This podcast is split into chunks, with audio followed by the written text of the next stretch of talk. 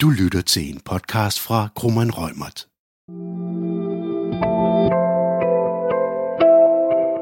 I denne podcastserie på to dele er temaet reglerne for tredjelandsoverførelser. Du lytter til anden del. Vi er nu kommet til del 2 i vores podcast om, hvad der skal ske i praksis, efter vi har modtaget EU-domstolens afgørelse i den såkaldte Schrems 2-dom. Mit navn er Tine Brygger Sørensen, og jeg er partner hos Kroman Rømert. Med mig her i dag, der har jeg Ole Kelsen, og Ole, du er fra... Microsoft Danmark, ja, og teknologi- og sikkerhedsdirektør der. Tak, fordi du vil være med her i dag. Selv tak. Noget af det første, jeg godt kunne tænke mig at høre lidt om, Ole, det er, nu er I jo en meget stor spiller, så meget af det, I har mulighed for at gøre, er bestemt ikke noget, vi kan forvente, mindre virksomheder har gjort. Men vil du løfte sløret lidt for, hvad I har gjort i forhold til for eksempel jeres cloud-løsninger for at efterleve præmisserne i den her spændende dom? Ja, altså, som vi nævnte i del 1, så er det klart, at det juridiske grundlag skal være på plads. Så databehandleraftalen er blevet opdateret, således at det, øh, der er selvfølgelig det lovlige juridiske overførselsgrundlag, standard contractual clauses. Øhm, og så har vi forsøgt netop at fremhæve nogle af de supplementary measures, fordi juraen kan ikke stå alene. Der skal være nogle øh, teknologiske, organisatoriske, processuelle kontroller, som sikrer, at vi også kan leve op til det, der faktisk står i databehandleraftalen. Og kryptering er en ting, øh, hvordan vi styrer adgang til data er, er noget andet, og noget tredje kunne være for eksempel, hvordan, hvordan håndterer vi, når vi bruger underdatabehandlere? Hvordan vetter vi dem? Hvordan sikrer vi, at de kun har de adgang, de har behov for, for at kunne udføre det, kunderne forventer? Men er det ikke korrekt forstået, at I oprindeligt brugte Privacy Shield som overførselsgrundlag? Øh, Privacy Shield, vi, vi skriver faktisk i vores databehandleraftale, vi er stadigvæk certificeret. Øhm, og den del, som vi ligesom står på mål for en Privacy Shield, synes vi sådan set er, er ganske fint stadigvæk. Så vi har tænkt os at leve op til den. Det er klart, at vi kan ikke bruge den som overførselsgrundlag, og det gør vi så heller ikke. Men jo, øh, specifikt på for eksempel øh, nogle forbrugertjenester har vi da benyttet Privacy Shield, og kan ikke gøre det længere. Men øh, vi Så er, I er overgået til... vi er overgået til Standard Contractual Clauses, Ja. ja. Øh, Øhm, af den simple årsag, at det er jo det eneste lovlige overførselsgrundlag. Men, men vi vil nu stadigvæk leve op til privacy. Vi har også en forventning, og jeg tror også, du nævnte det i del 1, at vi har da en forventning om, at, at der arbejdes på at lave en, en reel implementering af en privacy shield 2. Og der vil vi da gerne være forberedt på også at kunne anvende det. Ja. Hvis vi så skal prøve at vende mig lidt, du, nu, du har jo løftet sløret lidt på nogle af de ting, I har gjort i forhold til supplerende foranstaltninger, øh, som jo skal iværksættes øh, i tillæg til de forpligtelser, der ligger efter standardkontraktbestemmelserne. Du nævnte kryptering. Hvad, hvad kan du mere sådan... Ja, øh, det, og det, jeg ved også, at du nævnte det også i del 1, at der er måske ikke så meget nyt for, for os, og det, vi har selvfølgelig den luksus, at vi, vi har aldrig nogensinde bare sagt, at juraen er nok. Øh, det er klart, at der er en masse operationelle, processuelle og også teknologiske supplerende foranstaltninger, som skal være på plads. Øh, Så vi har en lang række kontroller, som vi har implementeret gennem de sidste 15 år, hvor vi har drevet de her cloud-tjenester. Og det gælder selvfølgelig omkring adgangskontrol, det gælder omkring fysisk sikkerhed, hvordan sikrer vi, at den hardware, vi bruger, er på plads, hvordan håndterer vi øh, henvendelser fra myndigheder rundt omkring i verden, som gerne vil have udleveret data. Så alle de her supplerende foranstaltninger er sådan set på plads. Øh, om vi så har været gode nok til at forklare om dem og udstille dem, det øh, skal jeg jo lade være usagt, men, men det er blandt andet det, mit arbejde går på. At øh, være sikker på, at folk de forstår, hvad er de supplerende foranstaltninger, som allerede er på plads. Kan der så komme ekstra, når nu det europæiske databeskyttelseskontor kommer med en, en, øh, en, en udmelding senere, måske senere på året? Øh, måske. Øh, og vi forsøger da også at være lidt på forkant og sige, okay, kunne vi forestille os mere yderligere ting, man kunne gøre? Øh, men vi nu, øh, jeg sidder her med vores, sådan, vores revisionsrapport, og altså, der er mere end 20 forskellige domæner, kan man sige, inden for, for hvilket vi allerede har en lang række kontroller, som er implementeret, fasttømret og bliver revideret konstant af, af tredjepart. Så vi føler os ret godt klædt på i forhold til de her supplerende foranstaltninger, og øh, derudover er der selvfølgelig også noget, som den enkelte kunde kan vælge at sige, jamen vi vil gerne have noget ekstra ekstra. Holde nøglerne selv for eksempel, øh, altså påføre egen Ja, så nøglen forbliver inden for EU's grænser. Ja, det gør den sådan set allerede, Okay. kan man sige. Øh, altså man har øh, helt klart muligheden for at sige, at nøglen den befinder sig i den region, man ønsker at benytte en Microsoft Cloud-tjeneste fra. Men man kan på, påføre yderligere kryptering, øh, hvis man føler, at risikoen er for, for stor. Og det vil sige, så er der ikke nogen andre end en selv, som reelt kan læse de her data.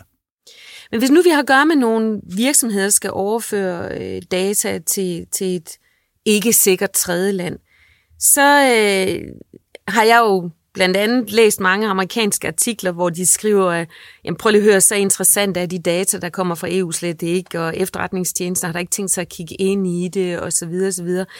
Og, og der må man jo også sige, at det får lidt en betydning, hvorfor en risikovurdering man har foretaget, og som man jo bliver nødt til at foretage. Når man skal ind og lave sådan en risikovurdering, og foretage en vurdering af, hvad er det for supplerende foranstaltninger, der kan være relevante for os som virksomhed og iværksætte? Hvad er det så, de sådan særligt skal have for øje der, når de laver deres risikovurderinger? Altså en klassisk risikovurdering øh, skal selvfølgelig starte med at sige, okay, lad os, lad os tænke helt ud af boksen.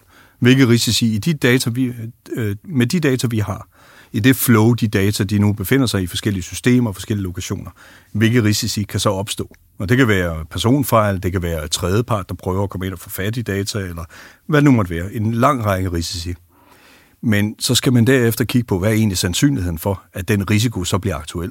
Og der vil man selvfølgelig skulle kigge over mod at sige, okay, hvis det her det er noget, vi siger, det, det er der faktisk en høj sandsynlighed for, at vores data kunne være interessant for en tredjepart, om det er en efterretningstjeneste eller andet. Jamen så skal man kigge på, er der allerede supplerende foranstaltninger? Er der noget, der mitigerer den risiko og, og øh, sænker sandsynligheden? Øh, de færreste sandsynligheder kan man bringe helt ned på nul, men man kan bringe dem ned på et acceptabelt niveau, så man siger, okay, nu er det så usandsynligt, så vi føler faktisk, og det er også det, lovgivningen siger, du skal ende op med en residual risiko, altså restrisikoen, som siger, det her det er så usandsynligt, ja, så behøver vi ikke gøre mere. Ja, for reglerne siger jo faktisk ikke, at du skal helt ned på nul. Det kan man ikke. Nej, altså, det er ikke vi, vi har jo i dag i Danmark, øh, vi har diskuteret det meget over de sidste par dage her, har vi jo eksempler på, at menneskelige fejl, pludselig kan slette en, en pokkers masse data, som kunne have høj relevans. Menneskelige fejl kan man aldrig nogensinde 100% gardere sig imod. Så kan man lave organisatoriske kontroller, man kan lave procedurer, som skal følges osv. Så, så der er flere ting, der på hinanden følgende skal bryde sammen, mm. før at en fejl får konsekvens. Mm. Men man kan ikke helt fjerne øh, menneskelige fejl. Nej, så tror jeg også, at det, man kan udlede af EU-dommen, det er jo også, at de to amerikanske regelsæt, der er i spil, der er det jo i virkeligheden også begrænset, hvor meget de amerikanske efterretningstjenester kan pålægge virksomhederne at udlevere. Så noget af det, vi i hvert fald har talt meget om, det er at sikre, at man kontraktuelt sørger for at lave en bestemmelse om, at man i hvert fald ikke som dataimportør frivilligt udleverer noget til myndighederne. Ja, og det er jo heldigvis været et princip for os længe, og et princip, vi også har skrevet ind i vores databehandleraftale. Altså, vi skal udfordre når vi bliver bedt om at udlevere data. Først og fremmest skal det være lovformeligt. Hvis det er lovformeligt, så er næste step, jamen det er, det er jo ikke vores data. Vi, vi står på mål for, at data de er mm. i vores datacentre, men det er jo kundens. Så vi laver det, vi kalder en redirect, og siger til myndigheden, jamen, da det ikke er vores data, så skal I henvende jer til den, hvis data det er, altså den dataansvarlige. Og det er altså 99, mange nitaller af de henvendelser, vi får, hvor vi kan lave den redirect. Og så er det ikke os, der skal tage stilling til, om data skal udleveres. Nej, men nu sidder jeg så og tænker på de stakler, det så ender hos. Ja. men, men der hjælper det jo også, hvis de kan på samme vis jo i virkeligheden bruge kræfterne til at gå tilbage og sige, jamen, på hvilket grundlag beder I os om at udlevere ja. det her?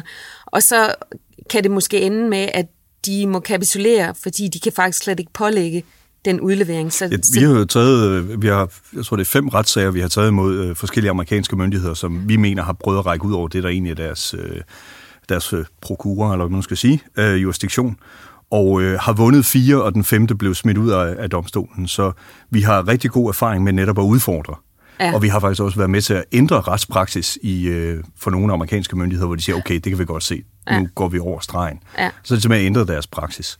Men at give en garanti for, at der ikke er en eller anden efterretningstjeneste eller en anden myndighed et eller andet sted, som vil prøve at række ud over det, det, det er der jo ikke nogen, der kan give.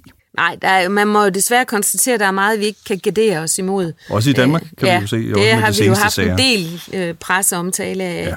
Ja. Øh, så det, det, det er dybt problematisk. Men en af de ting, der jo også klart følger af EU-domstolens afgørelse, det er jo, at man jo faktisk som dataeksportør skal kigge ind i landets, tredje lands retssystem. Buha. Og, ja, og det er jo i virkeligheden øh, et vildt krav, der, der følger af den her dom, fordi det er noget, øh, og det der henvises til, det er jo mange af de vurderinger, som bliver pålagt kommissionen i forhold til at godkende lande til at være såkaldte sikre tredje lande, som vi lige har haft med for eksempel Japan. Øh, og det er jo noget, vi ved i kommissionen med den med det store magtapparat har brugt enorme ressourcer og lang tid på De har dybest set outsourcet det. Ja, de har outsourcet det ja. til de stakkels europæiske virksomheder. Men det at skulle forholde sig til, hvordan er lovgivningen i Taiwan, øh, Indien, Uzbekistan, og hvad har vi? Og så samtidig kunne gå tilbage med en vis fornemmelse af, ah, men det er egentlig et meget fortrøstningsfuldt system, de har, og vi tror da også på, at de registrerede, dem bliver der lyttet til, hvis de føler sig krænket for, hvad der er foregået i tredjelandet. Hvad gør I? Hvordan kigger I landene efter i sømne? Altså, vi kigger klart landene efter i sømne, og så kan man jo udfordre lidt og sige, at jeg er ret sikker på, hvis man kigger på de 27 EU-lande, 27-28, øh, så er jeg også ret sikker på, at der er nogen, der vil sige, at der er også europæiske lande, hvor man vil kigge bekymret på, øh, på retsstillingen. Øh, men når det så er sagt, så kigger vi naturligvis på alle de lande, hvor vi både har en lokation, som kunne foretage databehandling, og vi kigger også på de lande, hvor vores underdatabehandlere øh, foretager Ja, databehandling. for dem har I jo en stø nogle... Ja, det kommer an på, vi har flere forskellige kategorier, men lad os bare sige, at vi har nok en seks eller syv lande, Ja. som er primært underdatabehandlere. Nu er det jo ikke således, at det altid foregår fra det land. Det kan sagtens være et indisk firma, som egentlig bare arbejder i vores øh, lokation i Frankfurt eller i Amsterdam, men de er ansat i et, for eksempel et indisk firma. Men der er ingen tvivl om, at hver gang vi øh, engagerer os, nu laver jeg gåse øh, øjne her, øh, hver gang vi engagerer os i et land, jamen så er vi derinde og vurdere retsstillingen. Er det her et sted, hvor vi føler, at vi kan være, leve op til det, der egentlig står i vores databehandleraftale, mm. inklusiv standard contractual clauses. Mm. Øh, og hvis ikke vi føler, at det kan vi stå på mål for, og kigge vores øh, kunder i øjnene og sige, jamen der er styr på det, øh, blandt andet fordi vi har de her øh, supplerende foranstaltninger, jamen så engagerer vi os ikke i det land. Og vi har da også, øh, måske ikke på den baggrund, men vi har i hvert fald, øh, trukket os ud af landet, og har for eksempel besluttet, at vi bygger ikke datacenter i Rusland, af helt øh, naturlige årsager. Okay. Øhm, og det, det vi... Er der vi- andre lande? Spørger jeg er nysgerrig. det her. Ja, men igen, jeg, jeg, vi, vi går ikke ud og fortæller, om øh, vi har vurderet retsstillingen i et land Nej. og sagt, det, det er derfor, vi ikke vil være der. Øhm, fordi der er ingen grund til at lægge sig ud med en regering her. Nej. Men derfor vælger vi ikke at etablere os i en række lande. Men de lande, vi har på vores øh, underleverandørliste for eksempel, der vil vi være inde og vurdere, jamen det setup, vi har med de supplerende foranstaltninger, de processer, den teknologi, vi har, der er vi fuldt ud i stand til at stå på mål for det, vi lover vores kunder. Og dermed beskytte europæiske øh, persondata fuldt ud efter GDPR og de lokale databeskyttelseslovgivninger. I er jo, som jeg også startede med at sige før, en meget stor spiller, der har nogle enorme muskler til at netop kunne følge op på de her krav, der følger fra EU. Men der er jo altså en masse virksomheder, der, der jo slet, slet ikke har det apparat at trække på. Er der et eller andet, hvor du tænker, Ja, altså først og fremmest, så vi, vi vil gerne stå på mål for, at hvis de anvender Microsoft Online Services, og, og jeg er sikker på, at de andre af det, vi kalder hyperscale cloud-leverandører, vil sige det samme, og det er også helt fint. men hvad Øh, hvis, hvis det ikke ja. er der, vi befinder os? Når hvis vi er on-premise, altså Ja. hvis man kø, driver sin egen løsning og sådan noget, så Ja. ja. jamen det hele, og du sagde det helt nøgleordet her, det er risikovurdering. Ja. Og det må jeg bare sige, og det har Rigsrevisionen jo også påvist i deres rapport fra maj måned, at det med at lave risikovurderinger, det er altså det er, det er vand i Sahara.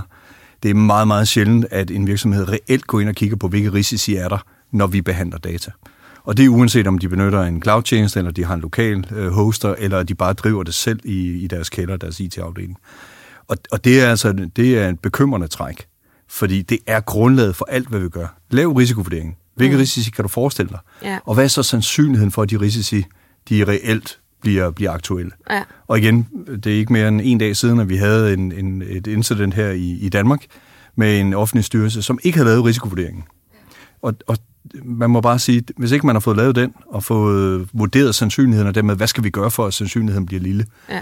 jamen så kommer man altså i problemer, uanset om man selv driver det, eller man har en tredje part til at gøre det i cloud eller andet. Men altså, for så her til sidst lige at vende mig mod, øh, hvad det er, vi går sådan og venter på, det er jo, at vi ved, at kommissionen og den amerikanske regering er ved at kigge ind på en afløser for Privacy Shield, som i øvrigt så også var en afløser for Safe Harbor-ordningen. Så der kommer jo nok en, en løsning der, for det er jo uholdbart. Vi har jo øh, USA som et af vores største eksportlande.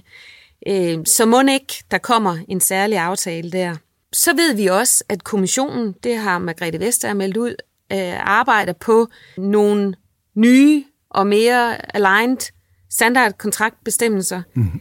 Øh, og der må vi jo have klar forventning om, at de også hjælper os lidt her, fordi mange af de vurderinger, der er blevet lagt fra via EU-domstolens afgørelse, er lagt over på de private virksomheder, eller for den sags skyld også offentlige myndigheder, der eksporterer data ud af EU. Der, der, der, der må de hjælpe os. De bliver simpelthen nødt til at hjælpe os der. Og så har vi det europæiske databeskyttelsesråd, som jo heldigvis er super god til at sende os vejledninger i ny og næ, som jo også har bebudet, at de kommer med en omkring, øh, hvilke mulige sikkerhedsforanstaltninger med videre, som er relevante ved eksport af data. Desværre har EU-domstolen jo ikke øh, meldt ud, at der er en grace-periode. Så øh, det her, det er jo noget, der gælder her nu. Men må ikke vi kan forlade os på, at de nationale tilsyn vil fare med lempe i den her periode, hvor der er så uafklaret en retstilstand. Tusind tak, Ole, for dit øh, møde her i dag. Tak for Super spændende at høre, hvad I har gang i. Og tak til alle jer, der lyttede med. Du har lyttet til en podcast fra Krummeren Rømert. Podcasten er udtryk for vores specialisters opfattelse af retsstillingen på nuværende tidspunkt. Vær opmærksom på, at retsstillingen godt kan udvikle sig løbende i takt med, at der kommer ny praksis på området. Hvis du ønsker at vide mere om emnet, så kan du tilmelde dig vores nyhedsbreve eller finde mere indhold på vores lønningscenter på grummanrøgmer.com. Du er også velkommen til at kontakte vores specialister.